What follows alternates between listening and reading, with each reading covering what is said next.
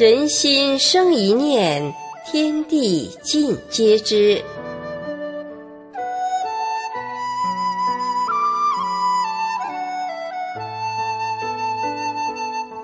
听众朋友您好，欢迎收听明慧广播《善恶一念间》节目。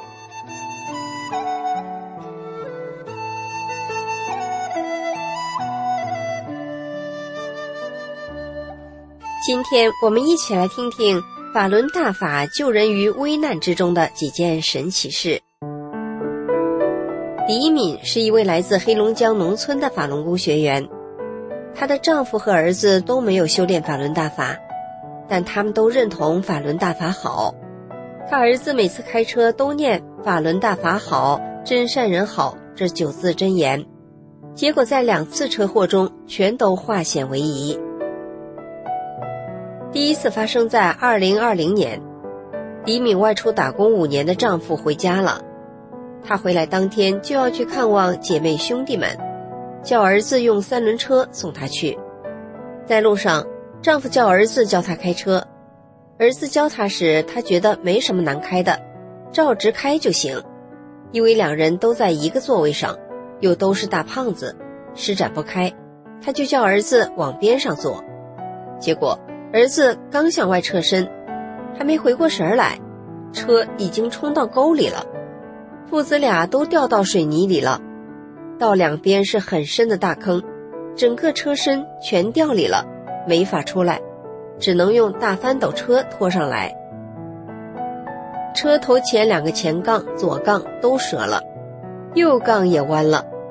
然而神奇的是，父子俩连皮都没破，啥事都没有。第二次发生在二零二二年四月份，李敏的丈夫和儿子开车从城里往家赶，路前方遇上一辆拉玉米杆的大胶轮车，占道路的三分之二宽，就是不往路边靠，后面的车就是过不去，有几辆小轿车急得长时间鸣笛。那车到岔道口才靠点边，小轿车都过去了，李敏的儿子也跟过去。刚过那车一点，就跟后面跟过来的一辆装满石头子的货车撞上了，儿子的车被撞进道路另一侧的沟里。等黎明赶到现场时，看到道上沟里全都是粉碎玻璃和车身撞坏撞掉的东西，整个车的前一半撞得就像一块铁皮被大锤砸烂了一样。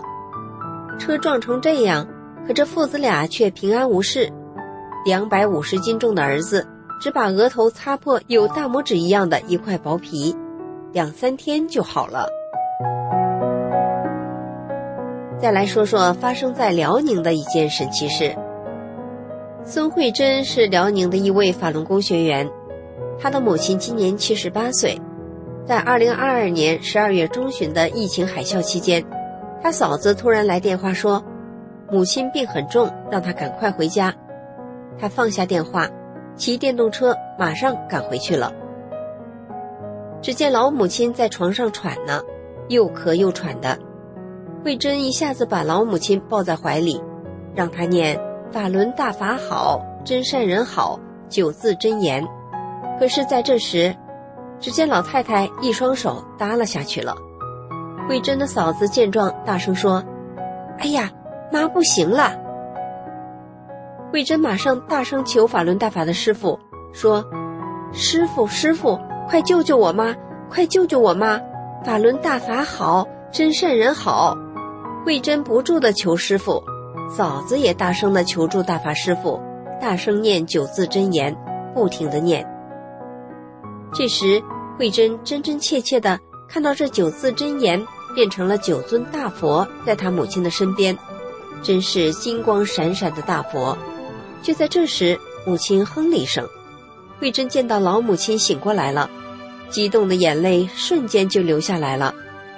慧珍赶快大声说：“谢谢师傅，谢谢师傅，是师傅救了我母亲的命。”这时嫂子也大声念：“法轮大法好，真善人好，谢谢法轮大法师傅。”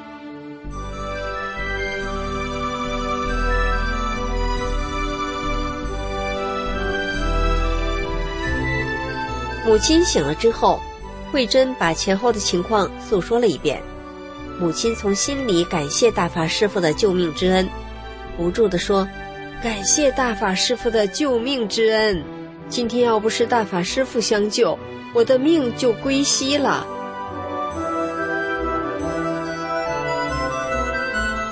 听众朋友，不少法轮功学员的亲友因为相信法轮大法，并诚心敬念九字真言，因此在危难之中得到了大法的佑护。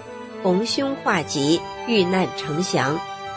希望您也能诚心念动九字真言：“法轮大法好，真善人好。”真心祝愿您也能幸福平安。